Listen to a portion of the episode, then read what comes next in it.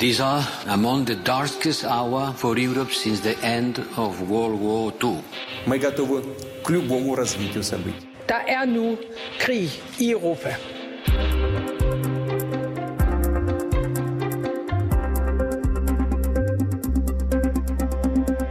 Det er ikke kun Ukraine, der har en øh, frivillig her af fremmedkrigere. Øh, det øh, Rusland lader nemlig også til at være ved at danne en. Hvis du ser, at der er de her mennesker, der er egen drift, ikke for penge, ønsker at komme for at hjælpe de mennesker, der bor i Donbass, så er vi nødt til at give dem, hvad de vil have, og hjælpe dem med at komme til konfliktzonen. Så lød det fredag fra russiske præsident Putin i kølvandet på spekulationer om, at Rusland rekrutterer erfarne syriske krigere til at kæmpe i Ukraine mod betaling. Du lytter til Krig i Europa, hvor vi i dag zoomer ind på tre af Ruslands, skal vi kalde dem venner. Det er nemlig Syrien, Kina og Indien. Nogle af relationerne er mere kærlige end andre, men fælles for de tre lande er, at de ikke har valgt at fordømme Ruslands invasion i Ukraine. Vi dykker ned i, hvorfor, og ser på, hvor langt de vil gå for at ja, hjælpe deres ven. Mit navn det er Cecilie Lange. Jeg hedder Alexander Vils og det her er Krig i Europa.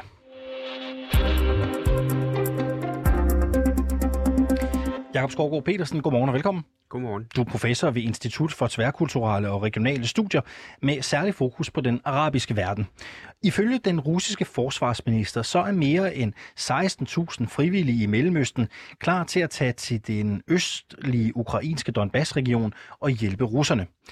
Hvis vi prøver at zoome ind på Syrien, er det realistisk, at frivillige syrere har meldt sig til at deltage på russisk side? Øh, ja, hvis man med frivillige mener nogen, som vil gøre det for penge. Øh, for det tror jeg, der skal til. Hvad får dig til at sige det? At de er ludfattige, og de har kæmpet i overvis øh, andre steder, og de er blevet hyret før, ikke mindst til Libyen, af russiske firmaer, som sælger krig. Øhm, og de er ikke særlig ideologiske, de her typer. Mm-hmm. Hvis de havde nogle illusioner om dem, så er det nok væk i dag. I en artikel fra Wall Street Journal, der hævder amerikanske embedsmænd, at Rusland ligefrem øh, rekrutterer, som du også siger, og betaler syre for at komme og deltage i krigen i Ukraine. Øh, hvis vi ser på regimet, er det så realistisk, at det syriske regime tillader det? Ja, det tror jeg, det er. Øh, men jeg tror ikke, de ville sende deres egne egentlig regulære tropper, fordi dem har de brug for selv. Men i løbet af sådan en lang, lang borgerkrig, som der har været i Syrien, så er der kommet mange sådan paramilitære grupper og krigsherrer, som står på god fod med regimet. Og det er nok mere sådan nogen, man kunne finde, altså som russerne måske kunne betale til dem, for at de sender soldater, som nok i virkeligheden bliver kanonfoder oppe i Ukraine. Og Skovgaard Petersen, kan du prøve at beskrive, hvad det er for øh, grupperinger, hvad det er for øh, øh, grupper, hvad karakteriserer dem? Ja, det karakteriserer dem, at de kontrollerer måske øh, noget territorium, øh, eller øh, spiller en rolle, i hvert fald på et vist territorium, hvor de måske også kan beskatte, eller på andre måder afpresse folk, der rejser, eller folk, der øh, bor, osv. Og mange af dem her, de har altså en krigsøkonomi, som i dag er meget, meget hårdt ramt, fordi Syrien er ludfattig, og nu er der også galopperende inflation. Så de kigger sig om efter måder at tjene nogle penge på, og det her kunne jo være en af dem. Der er noget med, at Syrien jo har støttet Putins anerkendelse af de østukrainske områder Lugansk og Donetsk som uafhængige. Øh, Syriens udenrigsminister Faisal Mekdad er i den forbindelse blevet citeret for at sige, at Syrien vil samarbejde med de to separatistregioner. Øh, hvad betyder det helt konkret? Det tror jeg ikke betyder ret meget, men øh, øh, jeg har ikke læst noget sted, hvad det i praksis skulle betyde. Jeg tror ikke rigtigt, det kommer til at betyde noget. Det, der er vigtigt, er, at Syrien står last og bræst med Rusland, og det er jo det, I også fokuserer på i jeres program. Og her er nok den bedste ven af de tre, I skal snakke om. Fordi øh, det syriske regime er helt øh, afhængig af Rusland, som jo hjalp dem til at overleve i 2015. Ja, når du siger, at det er den bedste af vennerne, og de har størst interesse, kan, kan du prøve at sætte nogle ord på, på det forhold, Rusland-Syrien? Ja, det går jo i virkeligheden mange, mange, mange årtier tilbage til Sovjetunionen og Syrien fordi øh, Sovjetunionen blev indkranset af NATO eller af øh, vestmagterne i den såkaldte Bagdadpagt, så de lande, der lå op til Sovjetunionen, de blev fjender, altså Tyrkiet og Irak og Iran dengang. Og dem, der så lå i anden række, som var rivaler, dem kultiverede Sovjetunionen så en forbindelse med. Og Syrien blev også støttet i de krige, de havde mod Israel for langt tilbage, altså for 50 år siden. Så det er et af de mest stabile, øh, en af de mest stabile alliancer i Mellemøsten, som har overlevet store skift, både fra Sovjetunionen til Rusland og øh, også i Syrien. Og, og Rusland har investeret en hel del i det. De har flyttet meget materiel til Syrien og har fået baser, både flåde- og luftbaser i Syrien. Så regimet er afhængig af Rusland.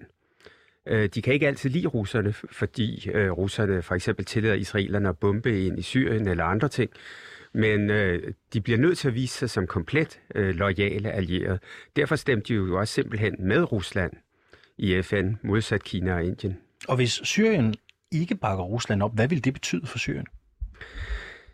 Ja, altså jeg tror, at øh, det, er jo, det er et meget hypotetisk spørgsmål, mm. fordi det syriske regime gør det, men det syriske regime har nok at slås med. Så de kan jo ikke rigtig give russerne ret meget, men de kan give dem verbal støtte på den måde, som vi lige har snakket om, og så kan de tillade andre at gøre det. Russerne prøver at fremstille det som om det er frivillige, der strømmer til, fordi de kan lide det russiske styre eller russisk ideologi, men hvad er det? Det tror jeg ikke rigtigt, der er nogen dernede, der kan. Og det er jo en kamp mellem to øh, ortodoxe kristne øh, lande. Så der er jo ikke nogen religiøs eller sådan noget dimension i det rigtigt. Øh, så der er tale om, at det syriske regime og øh, ret brutale krigsherrer måske vil prøve at skubbe nogle syrere dertil til Rusland. Og de har jo langt øh, kamperfaring, også med at kæmpe i byer. De får, har jeg læst, at vide, at de skal bare bevogte steder, men jeg tror, de bliver sendt ind som det allerførste, fordi Putin vil hellere have, at sådan nogen bliver slået ihjel, end at russere bliver slået ihjel. Øh, hvis vi prøver at skrue øh, tiden lidt frem, så i 2015, der øh, blandede Rusland sig jo og hjalp det syriske regime under borgerkrigen. Hvis vi ser på det, du har jo været lidt inde på det, men hvis vi ser på det med, med her og nu-brillerne, betyder det, at Syrien i virkeligheden også skylder noget nu? Ja, det gør det helt klart. Syrien er en klient af Rusland øh, og en af dem Rusland kan trække på. Og i sådan et patron-klient-forhold, der er der en stærk mand, patronen, og en svag mand, klienten. Og når patronen har gjort noget for klienten, så er det bare med at holde sig til den dag, patronen ringer. Det vil vi jo også samtidig se med, Rus- med USA og deres allierede. Altså det skal man ikke øh, sidde overhøre, hvis man har modtaget begunstigelser, og det har Syrien, øh, det syriske regime i høj grad. Så er der ikke rigtig nogen slinger i valsen, og det ved de også godt. Du var også inde på det for et øjeblik siden. Som et ud af kun fem lande, så stemte Syrien mod en FN-resolution i starten af måneden, som fordømmer Ruslands invasion i Ukraine. Betyder det, at de billiger den russiske invasion? Øhm, det ved jeg ikke rigtigt. Det, det tror jeg ikke rigtigt. Altså, hvis man ser regimemedier i Syrien, så giver de den russiske version. Mm-hmm. Øh, fordi de, det er den her tætte allierede. Hvordan de virkelig tænker, det ved jeg ikke. Jeg tror, de tænker, uh, bare det ikke betyder, at Rusland trækker øh, sit luftvåben ud af Syrien og sådan nogle ting. Altså, de har jo nogle meget konkrete hjemlige bekymringer. Og derfor kan de jo føle, at det her kan føre Rusland væk fra dem. Mange andre stater i Mellemøsten, de har skulle lave sådan en slags balanceakt. Mm. De har også lugtet, at verden ikke længere er så unipolær, som den var engang. Og derfor spiller de lidt på både Kina og USA og samtidig Rusland. Nu er vi nok på vej ind i en tid, hvor det ikke rigtig nytter noget at lave sådan et spil, hvor man sætter lidt brikker på alle sine øh, heste. Øh, nu kommer USA og beder golfen om at hjælpe. Nu kommer Rusland og beder Syrien om at hjælpe. Og øh, de fleste lande, men ikke alle har forstået, at nu er det payback time. Og her til sidst, øh, bare, bare ganske kort for at skære ud konkret. Hvad er det, Putin og Rusland har brug for øh, fra Syrien? Hvad er det, de har brug for? Jeg er jo ikke militær ekspert, men det går jo ikke så godt øh, i, i Ukraine, og øh, det koster mange, mange, mange døde. Noget, de dårligt til at vise til deres egen befolkning. Så hvis man kan få andre til at slås for en, så vil man jo gerne det. Mm.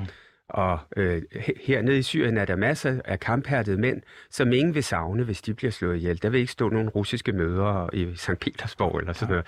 Så jeg tror, at de har brug for øh, dem, der skal rykke først ind i de her byer, hvis det her varer længere ved, øh, og sikkert tage meget, meget store tab. Du nævner, at øh, økonomien i det her også er en afgørende faktor for for eksempel, at folk kan tage fra, fra Syrien og rent faktisk hjælpe med at kæmpe.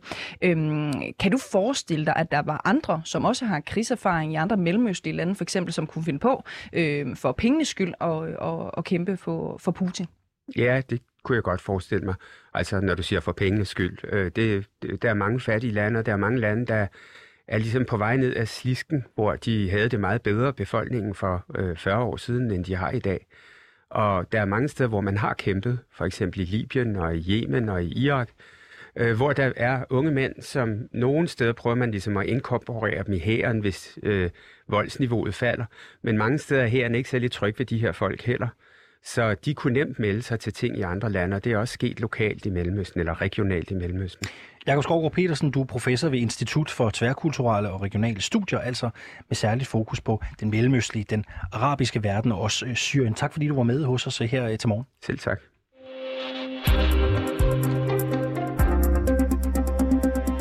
Skal vi videre til et land, som i den grad trækker overskrifter i dag. Det er selvfølgelig Kina. USA har nemlig været ude at sige, at de har efterretninger om, at Rusland skulle have spurgt Kina om militær hjælp til deres invasion af Ukraine, eller særlige militære operationer i Ukraine, som Putin kalder det. Øh, Camilla Nørp Sørensen, øh, godmorgen. Godmorgen. Du er Ph.D. og lektor på Forsvarsakademiet. Velkommen til øh, programmet. Camilla Nørp Sørensen, kunne Kina finde på at hjælpe Rusland på det her område? Øh, altså det vil jeg umiddelbart vurdere som ikke særlig sandsynligt. Altså Kinas linje har hidtil været faktisk at prøve at undgå at blive trukket direkte ind øh, i krigen øh, i Ukraine. Prøvede sådan ligesom at spille sådan, altså holde lav profil, ikke? Og undgå at tage, tage direkte side. Øhm, og øh, hvis de nu vælger ja, at levere våben til, til, til Rusland, øh, jamen så vil det jo være klart at tage side øh, til fordel for Rusland. Ikke? Og, og det tror jeg, at de, de vil undgå. Altså det, amerikanerne kommer og siger det, altså siger det i dag, ikke lige forud for, at der, der senere i dag i Rom skal være et møde mellem den amerikanske national sikkerhedsrådgiver Jack Sullivan og den kinesiske eller kommunistpartiets øverste udenrigspolitiske rådgiver Yang Jiechi det, øh, det er jo også et tegn på, ikke, at amerikanerne prøver at lægge et pres på kineserne, som de også har gjort hele vejen igennem, ikke, for netop ikke at hjælpe russerne, altså for ikke at, og, øh, og, mm, som her i det her tilfælde, hjælpe med, med, med militær hjælp, men også i forhold til ikke at afbøde effekten af de her sanktioner, som Rusland nu øh, er underlagt. Mm, og du har jo fuldstændig ret i, at det er overhovedet ikke usædvanligt, at Kina holder igen med at støtte en af parterne i, i, i virkeligheden hvilken som helst øh, internationale konflikt. Det gør landet i virkeligheden meget sjældent. Men hvor længe fristes man til at at spørge, kan Kina holde sig fra at bekende kulør i den her konflikt? Ja, altså det er et spørgsmål, vi har stillet i noget tid. ikke. Øh, øh altså jeg tror, at øh, de vil undgå det så længe de kan. Øh, hvis vi nu ser, at det virkelig går voldsomt for sig i Ukraine, det gør det jo allerede, ikke? men hvis vi ser nogle af de, de frygtelige ting, vi har talt om de seneste uger, altså brugen af, af kemiske våben, brugen af taktiske atomvåben eller sådan noget, ikke? Altså, så vil det jo blive, altså vi har allerede set den kinesiske udenrigsminister øh, Wang Yi være ude afskillige gange og virkelig udtrykke stor bekymring over de store humanitære tab øh, i Ukraine. Vi skal også have med, at Ukraine og Kina faktisk også har et ret, et ret godt forhold forud for krigen her, ikke? altså både økonomisk og politisk mm. øh, forhold. Øh, så hvis vi ser, at det er sådan en udvikling i, i krigen i Ukraine, så tror jeg, at, at man i højere grad vil se kineserne i hvert fald på en eller anden måde. Jeg tror jeg stadigvæk ikke, de vil melde klart ud faktisk, men jeg tror, de på en eller anden måde vil tage, tage arbejdstøjet på ikke? og prøve, og de har jo allerede i forvejen været ude og melde sig som en mulig mailer, ikke? at de måske kan spille en rolle i forhold til at få en våbenhvile i stand og sådan noget. Det tror jeg, de, der de så vil lægge endnu mere pres på, at de på den måde kan bringe sig selv i spil. Men Camilla Nørp nu ser vi jo direkte ind i, at USA er ude og, og fortælle os resten af verden, at de ligger inde med efterretninger om den her i hvert fald dialog, den her forspørgsel fra russerne rettet mod øhm, Kina. Er Kina nødt til at gå ud og øhm, komme med et svar på det, øh, på det, som amerikanerne siger, at de er nødt til at gå ud til afstand, eller hvordan? Ja, altså det øh, gør de jo hele tiden, kan man sige, for alle de ting, der er kommet, også de øh, øh ting, der er kommet fra amerikanerne i forhold til, at kineserne, eller Xi Jinping, den øverste kinesiske leder, har været underrettet forud for, øh, for Ruslands invasion.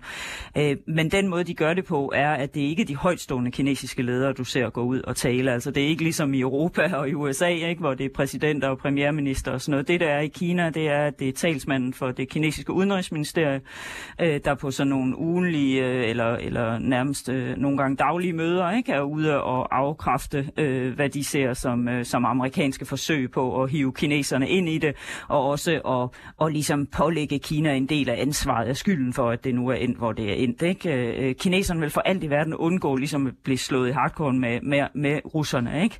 Øh, og det ser de set fra dem et amerikansk forsøg på, og det er de, det er hele tiden ude at afvise. Ikke? Øh, men de er også ude, og det er jo derfor, vi også har kigget så meget mod Kina, ikke? fordi de også også tit ude og ligesom at prøve at sige, at man, der, Vesten er også nødt til at kigge på sig selv, USA er nødt til at kigge på sig selv, de bærer også en del af skylden for, at vi står her i dag. De har ikke taget hensyn til Ruslands legitime sikkerhedsbekymringer, ikke? har presset på for udvidelse af NATO og sådan noget. Mm. Og det er jo noget, de kan føre over til, til Asien, øh, hvor kineserne også ser, set igen fra Kina, ikke et, et USA, som presser på med at indgå nye militære øh, alliancer og strategiske partnerskaber for mm. at holde Kina fra at få en større rolle i Asien. Ja, hvis vi bare lige øh, dvæler to sekunder også ved de sanktioner, kunne jeg godt lige tænke mig, at vi, at vi taler lidt om, øh, som jo i den grad har ramt øh, Rusland. Øh, kan Kina af en eller anden årsag blive tvunget til at tage afstand fra Rusland? Altså i, hvis vi taler sanktioner?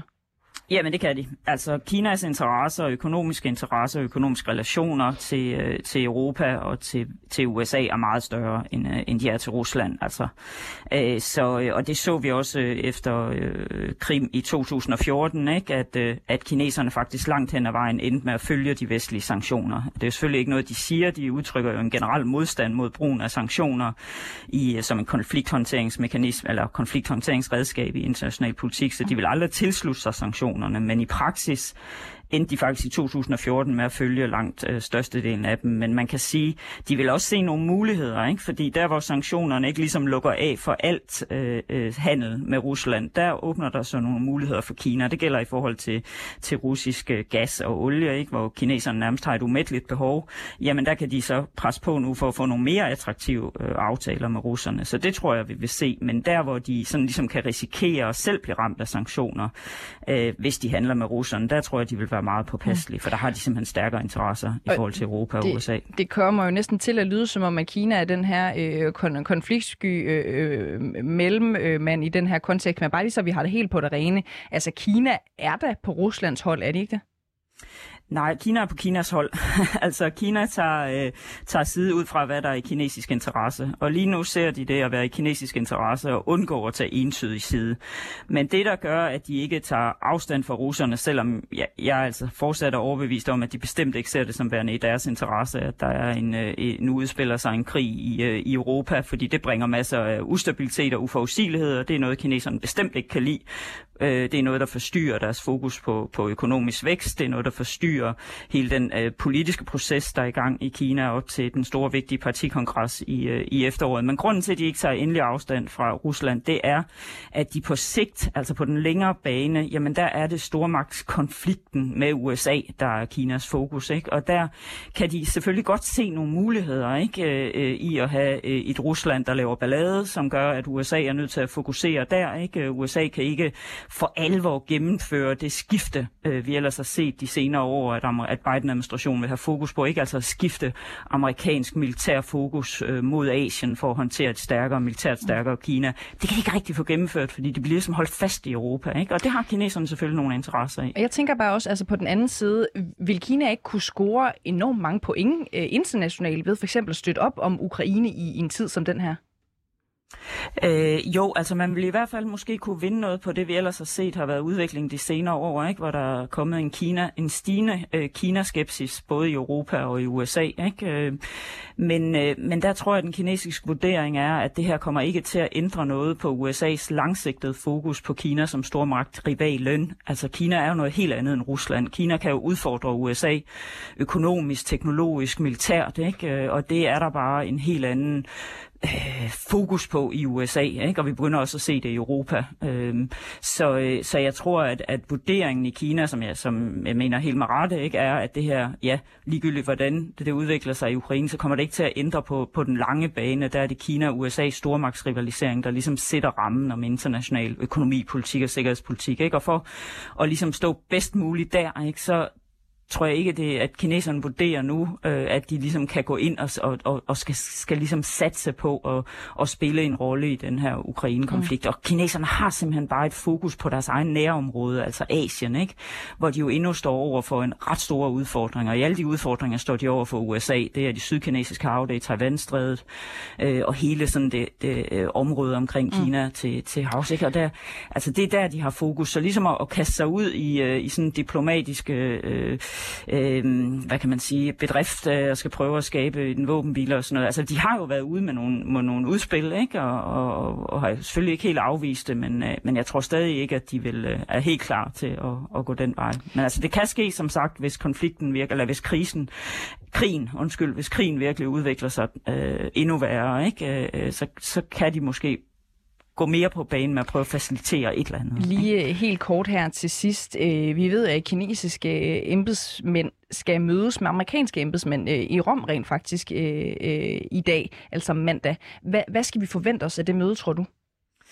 Altså, øh, det som amerikanerne har lagt op til, at de skal bruge møde til, det er til at lægge et maksimalt pres på kineserne, til ikke at hjælpe russerne. Og det gælder både det, der er kommet ud nu i forhold til våbenleverancer, men det gælder også i forhold til ikke at afbøde sanktionerne.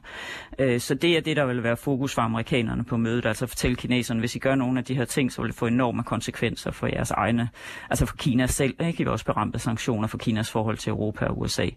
Øh, kineserne har ikke lagt noget op til, hvad de skal have ud af mødet, enten de skal have en generel drøftelse drøftelse med USA om regionale og internationale sikkerhedspolitiske spørgsmål. Det har ikke engang nævnt Ukraine i den måde, de omtaler mødet på. Og det er jo igen meget sigende for, at de prøver ligesom at undgå, ikke? At, øh, at de nu skal holde et møde, at det skal se ud som om, at, at nu skal Kina og USA holde et møde omkring Ukraine. Mm. Camilla Nørb Sørensen, Ph.D. og lektor på Forsvarsakademiet. Tak fordi du var med her til morgen.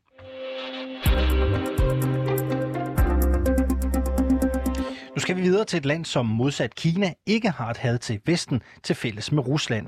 Det her land holder nemlig blandt andet tilbagevendende militære konferencer med USA, Japan og Australien. Og landets premierminister var gæst ved G7-topmødet sidste år. G7, der engang hed G8, men så blev Rusland jo smidt ud efter annekteringen af Krimhaløen i 2014. Vi taler om Indien, som trods sin hæftige fløten med Vesten, har undladt at stemme for fordømmelsen af Ruslands invasion i Ukraine. De afstod fra at stemme om FN-resolutionen, ligesom Kina. Øh, Thomas Sested, godmorgen. Godmorgen. Du er øh, direktør i øh, Stereo Associates, og så er du forfatter til bogen øh, Indien, verdens næste stormagt, og du er med os fra Delhi i øh, Indien. Indien flytter jo med Vesten, men de har også et godt forhold til Rusland. Hvordan hænger det sammen, eller hvordan, hvad er op og ned, siden de ikke vil stemme? Ja, altså allerførst så skal man måske lige øh, huske, at øh, det er rigtigt, at de jo øh, stemte blankt eller undlod at stemme. Men, men i det kommuniké, som, øh, som den indiske øh, FN-ambassadør han, han udsendte, der stod det jo faktisk, at Indien øh, øh, øh fordømte øh, hvad sige, landes øh, altså krænkelser af landets suverænitet osv. Så, videre. så man, i det, man skrev, der kan man sige, der, der, der lagde man sig ud med Rusland, men, men ved ikke at stemme, så sørger man for, at forholdet til Rusland kunne være intakt. Og det skyldes blandt andet, at øh, Øh, Indien, øh, ligesom andre lande i Asien, jo koncentrerer sig om deres nærområde, og der er Rusland en vigtig spiller. Hvis vi lige skruer tiden lidt tilbage, så i 71, øh, så øh, øh, gjorde øh, Pakistan, altså øh, som dengang bestod af et Østpakistan og et Vestpakistan, der var en masse øh, store øh, etnisk udrensning i Østpakistan, og det ville USA ikke hjælpe med, øh, Indien med, fordi øh, USA var tæt allieret med Pakistan.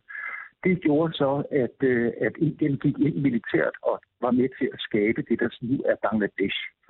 Det, det ville Rusland godt hjælpe med på det tidspunkt. Og det vil sige, at set herfra, altså set fra Delhi side, så er Rusland øh, en, en ven, man kan regne med, når, øh, når der er krise. Og det betyder, at, øh, at øh, der kan jo komme andre kriser, og Indiens øh, hovedproblem er ikke Rusland, men Kina.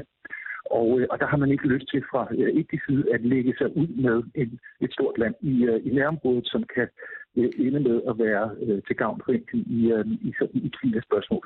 Hvad hvis man ser på de militære øh, forsyninger øh, og forholdet på den front mellem Indien og Rusland? Hvordan ser det ud?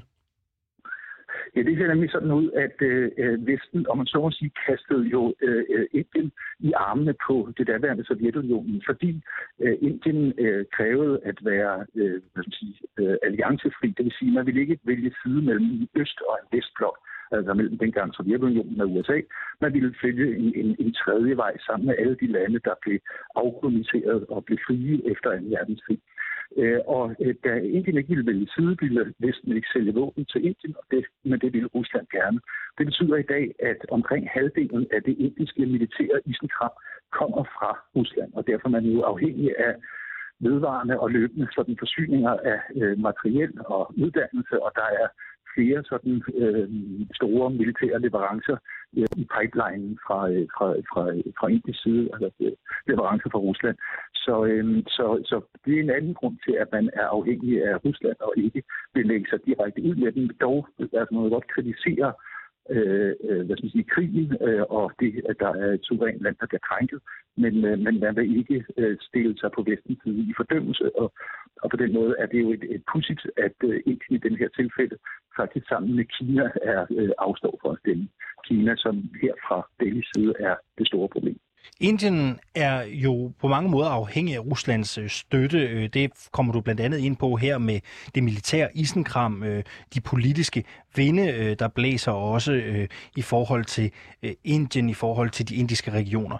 Derfor så fordømmer de heller ikke den russiske invasion i Ukraine. Men det betyder vel ikke nødvendigvis, at de støtter den? Nej, det gør de ikke. Altså, det passer egentlig øh, øh, rigtig dårligt, øh, det her, fordi øh, det kommer til at ramme de indiske hvor meget hårdt. Det gør det allerede. Inflationen her i Indien er høj, og den kommer til at blive endnu højere.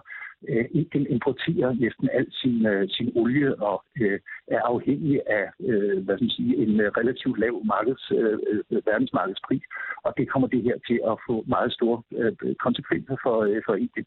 Så, så det her er ikke en blomst, der er groet i Indiens have, og og øh, det så var man øh, i den grad hellere for uden. Øh, dertil kommer så, øh, kan man sige, at forholdet til USA, som er blevet væsentligt bedre her over øh, de sidste sådan 10 år, øh, og der er sket en enorm tilnærmelse også fra USA's side. Øh, USA har brug for øh, Øh, øh, et øh, hvad skal man sige, stærkt Indien i forhold til øh, hele øh, balancen her i, øh, i, øh, i, i og her igen, altså i forhold til Kina.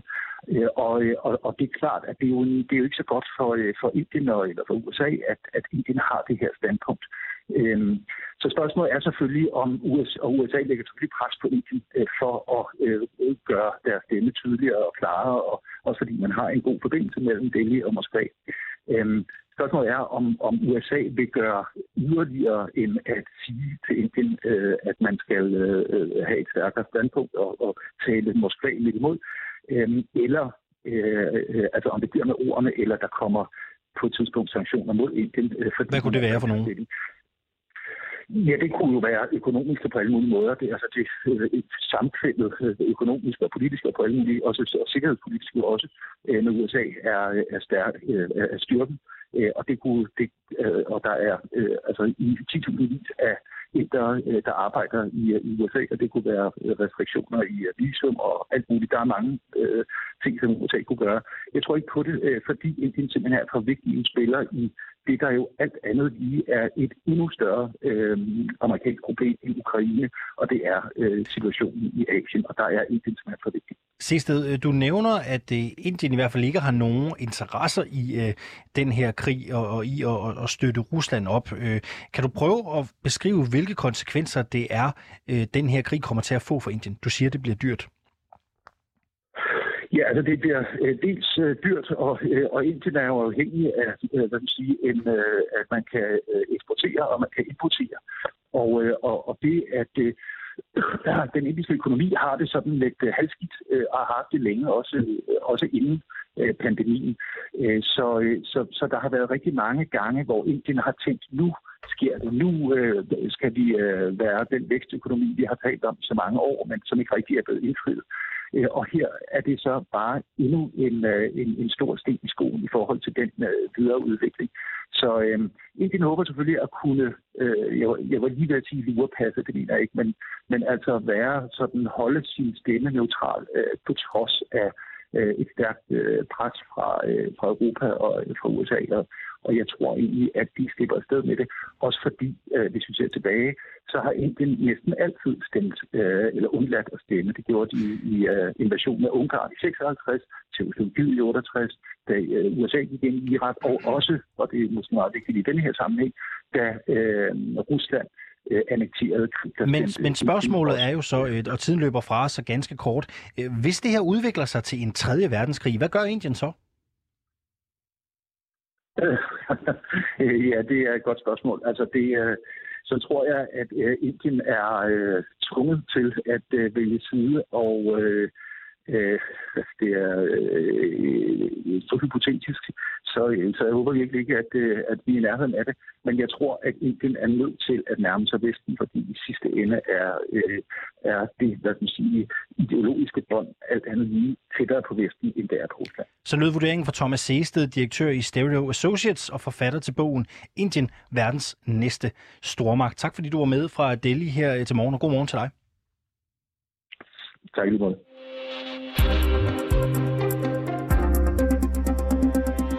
Du har lyttet til Krig i Europa. Redaktionen bag dagens program var Oliver Bernsen, Rassel El Nakib og Christine Randa, som var redaktør. Mit navn er Cecilie Lange. Og jeg hedder Alexander Vils Lorentzen. Og husk, at du altid kan finde flere udsendelser fra Krig i Europa i vores 24-7-app, eller der, hvor du henter dine øh, podcasts. Så kan du selvfølgelig også lytte med hver eneste dag her i radioen. Tips og tricks til vores programmer her sender du til reporterne snabel af øh, 247.dk.